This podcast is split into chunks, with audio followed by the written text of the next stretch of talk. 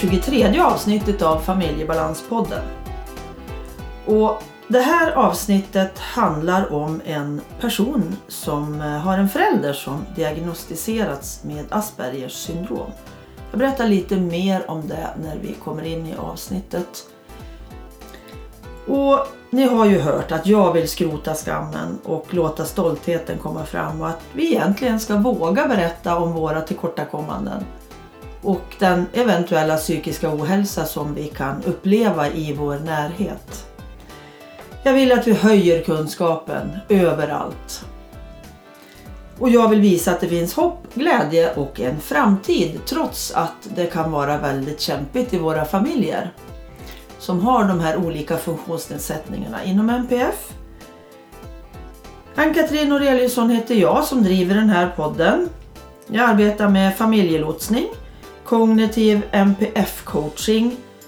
Jag föreläser om MPF och allt möjligt sånt som finns runt omkring de diagnoserna. Jag är ju dessutom då förälder till två vuxna barn med diagnoser inom MPF. Och ni får gärna höra av er till mig. ANNKATRIN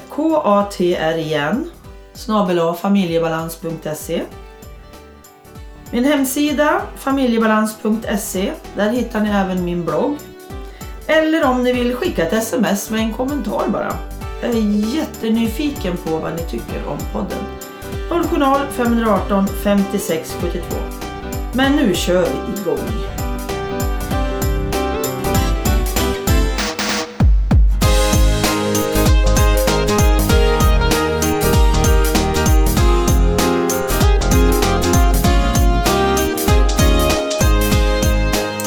Välkommen hit Marianne! Tack så mycket! Du som är min lånade röst i det här poddavsnittet. Mm. För personen som eh, finns bakom den här vad ska jag säga, berättelsen om eh, en uppväxt med en förälder med Asperger. Den personen vill vara anonym.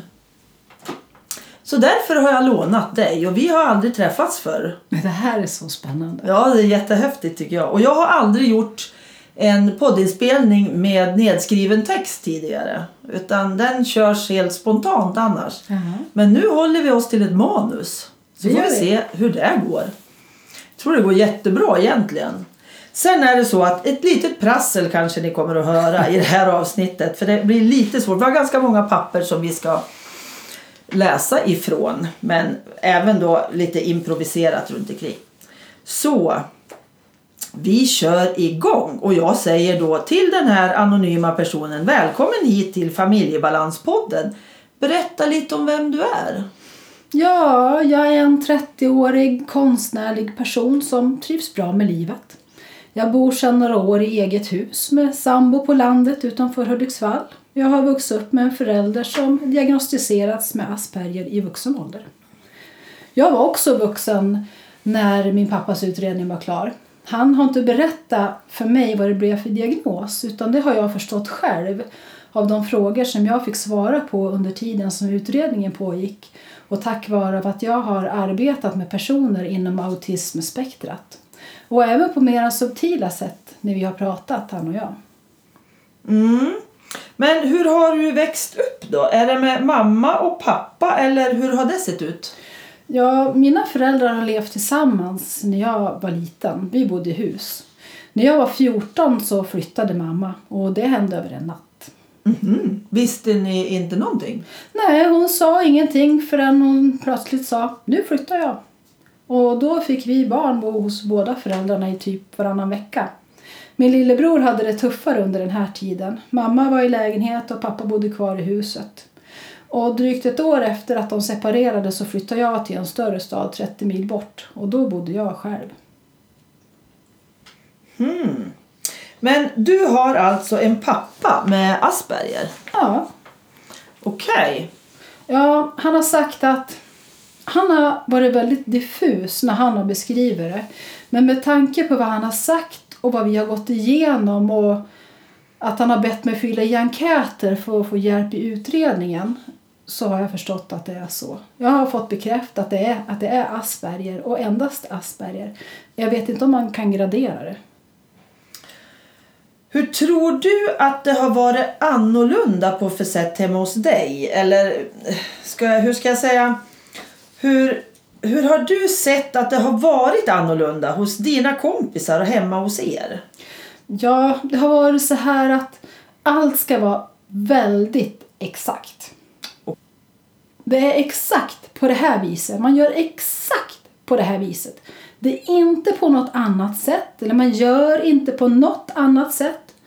När jag var barn så var det nytt med dataspel som skulle installeras och det var en stor process. Det var väldigt laddat och bara pappa som skulle sköta den biten. Man fick inte prata under tiden. Inte komma med några idéer. Nu gör vi det här. Nu installerar vi det här. Du får inte säga någonting. Vi ska gå igenom steg för steg. Krånglade det, då brakade det ju löst. Då blev han skogstokig. Att det här med dataspelen var något nytt och helt främmande som ingen av oss hade någon erfarenhet av och att det skulle kunna krångla, det gjorde att det blev väldigt laddat. Om det blev fel så blev det en svår situation. Ingen fick störa förstår jag då. Nej, och på så sätt blev det väldigt nervöst. Att jag inte fick störa pappa någon gång. Och jag fick inte ställa några dumma frågor och inte vara i vägen. Han måste få göra på sitt sätt och det fanns bara hans enda sätt. Det var ingen idé att lägga sig i. Såg du skillnad och så för hur andra hade det? Ah, Det jag trodde då det var att han var nervös. Att det var därför det var så spänt hela tiden. Och vi var ju på tå hela tiden och väldigt försiktiga. Var det så? Ja, mycket var det så. Hos andra var det, jaha, då gör vi det så här, det går bra det. Vi testar på något annat sätt. Man kunde ändra idéer på en gång. Hos oss var det planering och då gör man exakt det som är planerat. Även om man inte känner för det man planerat eller vad det kunde vara. Måndagar är det gympa. Tisdagar är det någonting annat. Väldigt ordning och reda. Var det något som hände som gjorde att det inte blev av, då blev det också fel. Då stämde det inte. Hade vi bestämt att vi skulle åka till någon och så ringde de och sa att det går inte idag, då blev det ju fel. Vi skulle ju göra det här idag. Just sådana saker som var bestämda som inte blev av, då kom det mycket frustration och aggression. Han visste ju inte då att han har Asperger. Hade han någon aning tror du? Har du pratat om det någon gång efteråt? Hur han upplevde det och kände sig? Och jag tänker på under hans uppväxt. Han måste ju ha varit halvgammal när hans utredning var klar. Han var nog i drygt 50-årsåldern när han fick sin diagnos. Han har ju levt långt in i sitt vuxna liv när han fick sin diagnos. Han förstod nog inte alls varför han reagerade och gjorde som han gjorde. Och än mindre vi barn. Men nu i efterhand förstår jag ju. Och vi har vetat hela tiden att han är dyslektiker. Och bara det har ju gjort det svårt. Han har inte heller haft någon lätt uppväxt för han har vuxit upp med en ensamstående mor. Han är både vänsterhänt och dyslektiker så han hade väldigt tuffa förhållanden och förutsättningar redan från början. Ja, det var ju så fortfarande på den tiden. Tyvärr var det så, men det har han ju varit tydlig med. Så det har han ju berättat och på det sättet så kan jag ju förstå att det kan ha varit svårt. Och det har skapat en nervositet inför nya saker. Men sen när jag listade ut och fick reda på det här med Asperger och fick det bekräftat då blev det som jaha, och då ramlar 25-öringen ner. Jag förstår. Hur kändes det då för dig? Var det bara skönt eller fanns det några fler känslor med där när du fick veta att det var Asperger och förstod det? På insidan var det bara skönt. Okej, jag förstår. Men första gången som jag sa det högt till någon annan då var det som att jag ville lägga händerna för munnen för att åh, nu sa jag något fult. Så kändes det. Var det verkligen så? Ja, fast det är ju inte så. Men första gången jag sa det, det minns jag så väl för det var så laddat och så... Jag kände mig ändå bara lättad att så här är det. Så här funkar det i honom. Och då kan jag på ett helt annat sätt acceptera hur det har varit och varför han gör som han gör. Att vissa saker ska vara på vissa sätt. Det kan jag köpa på ett helt annat sätt nu. Ja, acceptansen blir på ett annat sätt när man vet vad det handlar om. Ja, precis. Jag vill fylla, fylla i här att det är jätteviktigt att berätta. Och också att man utreds så att man får veta vad det är som blir så fel. Så man förstår. Ja, så är det. Men jag tror också att han mådde väldigt bra i sig när han fick veta att det funkar på det här viset. Jag hoppas verkligen att han inte tar det så negativt utan att det är så här det är nu. Och nu har vi verktyg att göra på bästa sätt. För hans personliga resa har ju varit enorm om vi jämför nu och för tio år sedan. Och även om man jämför nu och för fem år sedan. Då har hans egen resa varit jättestor. Tyvärr så är min bror inte lika insatt som jag. Han och pappa blev väldigt osams innan pappa utreddes och de har inte pratat med varandra på flera år. Min bror bröt med pappa. Det var alltså före utredningen det? Ja, och jag önskar att brorsan också hade förstått att pappa har fått en diagnos och fått en förklaring till varför det har varit som det har varit. För han lyssnar inte på mig när jag försöker förklara. Han har inte omfamnat det här. Nej. Nej, han är inte där. Jättetråkigt tycker jag. Men jag hoppas att det blir en dag. Han hade säkert kunnat förstå på ett helt annat sätt. Ja, och förstå varför det har blivit så här fel ibland hos er. Dessutom så är de kopior av varandra. Är, de är väldigt lika. Det är ofta svårt när man är för lika har jag märkt, även i andra familjer. Det är ju inte så lätt då att hålla sams. Hur länge sedan är det han fick sin diagnos? Ja, det måste nog vara fem år sedan, mellan tre och fem år sedan. Det är inte jättegammalt. Ja, det kan ju ta sin tid att smälta och acceptera. Både för honom själv och för er runt omkring. För hela familjen såklart. Har han uttalat själv någon gång vad han har för diagnos? Eller är det du som har listat ut det? Han pratade om den här filmen I rymden finns inga känslor. Och då sa han att det är väl ungefär något sånt där som jag har då. Okej. Ja, Det var väl hans sätt att bekräfta sin diagnos. Sen har jag pratat om Asperger och han har nickat och visat och bekräftat utan att säga och uttala orden. Var det i de här formulären vid hans utredning då, som du fick fylla i som gjorde att du förstod? Ja, så var det. Och jag har även jobbat som personlig assistent inom autismspektrat och på så vis känt igen symptomen. Men det har varit människor som inte har klarat sig själv, alltså mycket mer funktionsnedsatta än vad pappa är. Vet du varför han utreddes? Var det något som han önskade själv? Ingen aning, det har jag aldrig frågat honom. Har, har ni en nära kontakt du och din pappa? Ja, vi har väldigt nära kontakt. Vi pratar med varandra flera gånger i veckan, så vi är nära. Kan du se några fördelar då med hans diagnos? Ja, många. Det är ju ordning och reda. Han har ju sina rutiner för sin trygghet. Det märks att han mår så bra av det. Till exempel städning på torsdagar och den här dagen gör man det här. Det underlättar ju för honom och han blir ju lättare som människa då. Och han mår bra i sitt hem och det är ju alltid välstädat. Det är alltid fint och han vet var han har sina grejer. Det märker jag i mina gener också på mitt sätt att vara. Det tycker jag om, att jag har ordning och reda. Du får ett helt annat ansiktsuttryck när du pratar om hans positiva sidor. För nu ler du och blir avslappnad. Det ser ju inte de här människorna ute i poddlyssnarna. Men jag ser ju hur du förändras. Och det finns ju många positiva saker förstår jag ju. Absolut, och framförallt friden i honom själv. Han vet att han behöver den här ordningen. Och jag mår bra när jag ser det. Är det mest nu när ni vet vad det handlar om? Ja. Fanns det positiva saker som du som barn såg också? Nej, då visste ju inte jag vad det var. Jag tänker att när du tittar tillbaka så kanske du kan se att det här var ju något positivt med pappa. Han hade ju säkerligen ordning och reda då också. Ja, han hade ju koll på vad som var på gång. Hade jag glömt något, till exempel tider eller möten eller något, ja då visste ju pappa. Han hade alltså koll på allt. Ja, han visste att det tar tre och en halv minut att åka till Ica. Hur länge blir du borta? En timme och en kvart. Många saker var jätteexakt. Det var skönt när jag var barn att få exakt information. Vi behövde aldrig vara oroliga. Vid frågan hur många köttbullar ska det vara? Då fick vi ett exakt svar. På så sätt var det väldigt tryggt. Det var inga saker som var diffusa. Ja, och det kan ju faktiskt väldigt många barn behöva. En ganska fyrkantig värld för att känna trygghet. För då blir det ju greppbart. Mm. Det var jätteskönt till exempel när vi åkte bil och frågade hur lång tid tar det innan vi är framme? Och han visste alltid precis hur lång tid det skulle ta innan vi var framme och, och kunde förklara. Om vi skulle på semester och resan skulle ta tre timmar, då sa han att ja, men det är som tre Bolibompa. Mycket pedagogisk pappa måste jag säga. Ja, och det där köpte jag på en gång och berättade för mina kompisar att det tar tre Bolibompa att åka till Stockholm. Det hade jag lärt mig.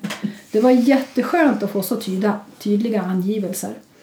Däremot så blev samma sak svår när jag blev tonåring och det inte vart det exakta och korrekta med tider. Då var jag lite så här, men varför säger den inte exakt när hon ska komma? Till exempel när mamma började bo själv. Det var säkert jätteskönt för henne att inte leva i det exakta och korrekta. Men då blev det ju fel i mig istället. Om hon sa att hon skulle vara i en timme och så tog det en och en halv timme, då kunde jag säga nu sa du ju inte en och en halv utan du sa en. Det var ju spännande det också att få se skillnaden. När jag gick från barn till tonåring så blev det tydligt. Det var väldigt tryggt med det fyrkantiga. Vad kan du se för negativa delar då med den här diagnosen? Ja, det är ju så att det får inte bli på något annat sätt än vad det är tänkt, för då blir det fel. Det blir liksom andra sidan av myntet. Ja, det kontrollerade trygga blir också en fallgrop. Ja, men precis. När det inte går att säga att något tar tre och en halv minut eller 1 timme och 47 sekunder, då blev det oroligt eller argt, eller hur blev det? Ja, både oroligt och argt. Nu har han lärt sig så pass att han kan stoppa innan han blir arg. Men det har han och jag pratat jättemycket om. Bara något år innan utredningen, då var det som värst. Då var det stormigt i vår relation också. Om något blev fel, typ om jag sa att jag kommer på torsdag och så ringde jag på torsdag kväll och sa att jag kommer imorgon istället. Bara en sån sak kunde bli en aggression, alltså något att bli arg på. Varför skäller du på mig? Jag kommer ju imorgon istället. Då kunde inte jag heller greppa varför det blev fel. Nej, hur skulle du kunna veta det? En gång skulle jag låna en sovsex som var hans. Jag skulle ut och tälta med mina kompisar. Får jag låna den här då? frågade jag. Nej, det får du inte. Varför inte då? Nej, men du säger ju till nu. Du skulle ha sagt till en annan dag. Ja, men ska du använda den då? Nej, det ska jag inte, men du får inte låna den. Ja, då hade jag inte sagt till i tid. Och det kunde jag inte förstå. Men nu fattar jag på ett helt annat sätt. Jag kan tycka att så kan han ju inte tänka, men för honom är det så. Vi var på gemensam semester i somras. Första gången som vi semestrade tillsammans sedan jag blev vuxen. Vi var i en helt ny stad. Vi var utomlands till en stor stad. Och att orientera sig i kollektivtrafiken i en ny stad det är ju inte lätt för någon. Och när man behöver ha kontroll då blir det rätt jobbigt. När vi skulle åka till flygplatsen stod vi på rätt perrong. Det kom ett tåg och allt var rätt Utom att det fanns två tåg att välja på och vi hamnade på fel tåg. Men jag upptäckte det innan första hållplatsen så vi hoppade av och hoppade på nästa tåg. Men då blev det väldigt fel för honom att vi hade åkt åt fel håll när vi skulle till flygplatsen. Då blev det inte alls bra att vi hade gjort fel. Man får alltså inte göra fel. Nej. Det ska vara rätt hela vägen och inte ens alltså när felet går att lösa. Nej, blir det fel så blir det inte bra. Han blev inte arg, för det var ju folk runt omkring och han har jobbat mycket med sig själv. Men det hörs, det blir ett sorts smackande eller knäppande när det blir fel. Och då märker man att det är något som har blivit fel. Antingen är han nervös eller också är det något som är fel. Ingen annan skulle höra det eller märka det, men jag känner honom väl. Ja, kanske har du ju tassat på tå för att undvika utbrott tidigare. Och då blir man ju väldigt lyhörd och lyssnar ju efter signaler av gammal vana. Ja, i alla fall när det gäller honom. Jag satt ju och fnissade för mig själv. Vi kom i god tid till flygplatsen. Jag visste ju att det skulle lösa sig. Men hans kroppsspråk det visade att det här var inte bra. Hur lång tid tog det då innan han kunde varva ner och må bra igen? Säkert 45 minuter, för vi var framme på flygplatsen innan det la sig. Det måste ha varit jobbiga 45 minuter för honom. Det gick ju bra. Jag tyckte synd om honom, att han inte kunde släppa det. Ja, det inte ens är tidsbrist, det måste ju vara jättejobbigt. Ja, hade det varit tidsbrist, då hade jag också gått i taket. Men det var inte det, utan vi fick sitta och vänta i två timmar på flygplatsen. Så då skojade jag lite med honom och sa att det gjorde ju ingenting att vi åkte på lite sightseeing. Nej då, sa han, men jag märkte att det tog emot. Nu när det har gått ett tag så ska, kan vi skratta åt det tillsammans. Vad bra att det kan bli ett skämt till slut. För annars blir det ju himla jobbigt om man blir kvar i den där känslan. Han har verkligen kommit jättelångt och det är häftigt.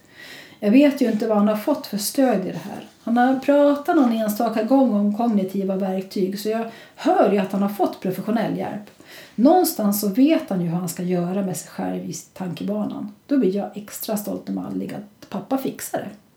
Ja, att du ser att han har kommit vidare i sin utveckling. Ja, precis. Att han har accepterat att det är så här och han behöver göra på det här sättet för att leva. Det är ju en sak att ha verktygen men ändå inte kunna använda dem. Det spelar ju ingen roll vem det är. Det är svårt för de flesta. Det vet man ju att om man går till gymmet och tränar så kommer man i form. Men man ska gå dit då. Mm. Det räcker ju inte att veta vad man ska göra utan vi behöver ju faktiskt göra det också. Finns det någonting som du hade önskat att det hade varit på något annat vis? Nej, då hade inte jag varit den jag är idag.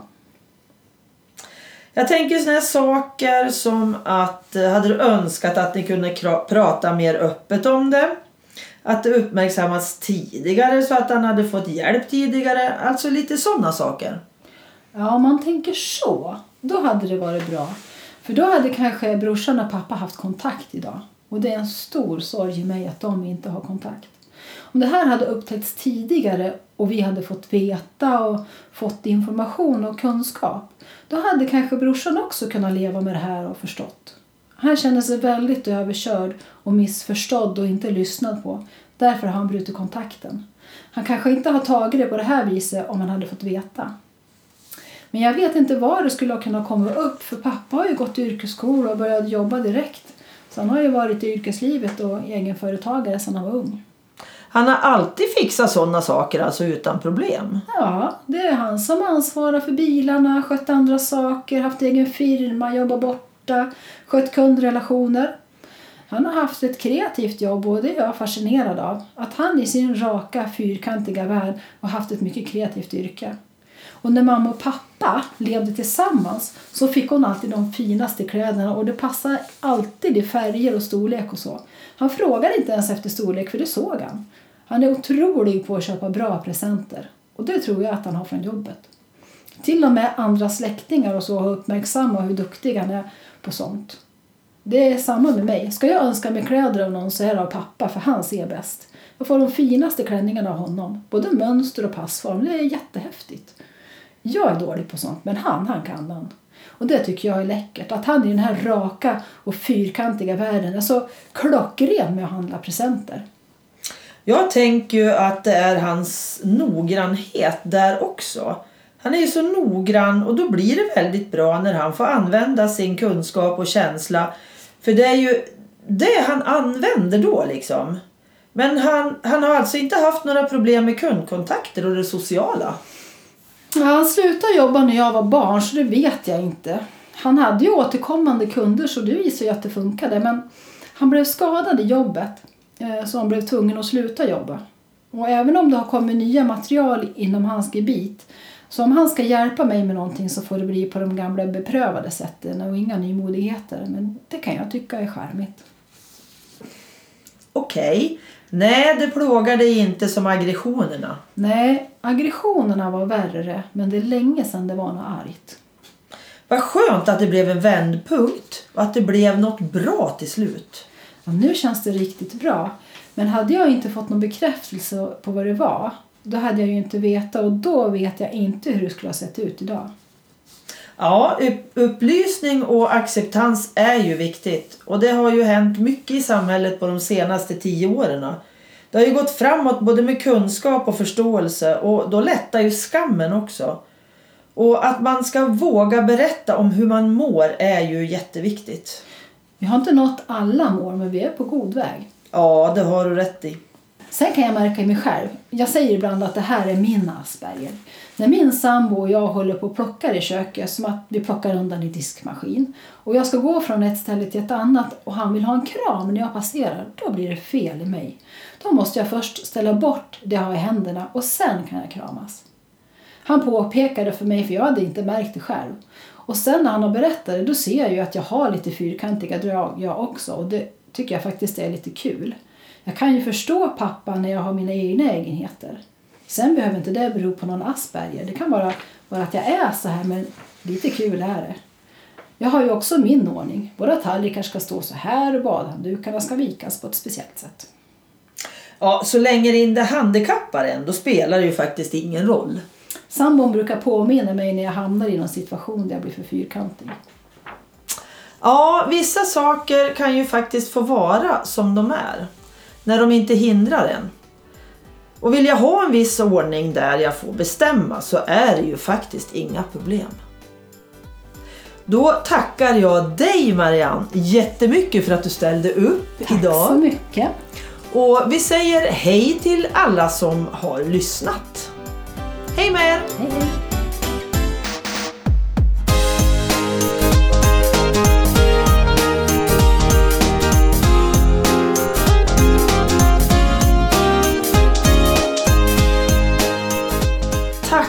För att du lyssnat och tack till Pelle Zetterberg för musiken.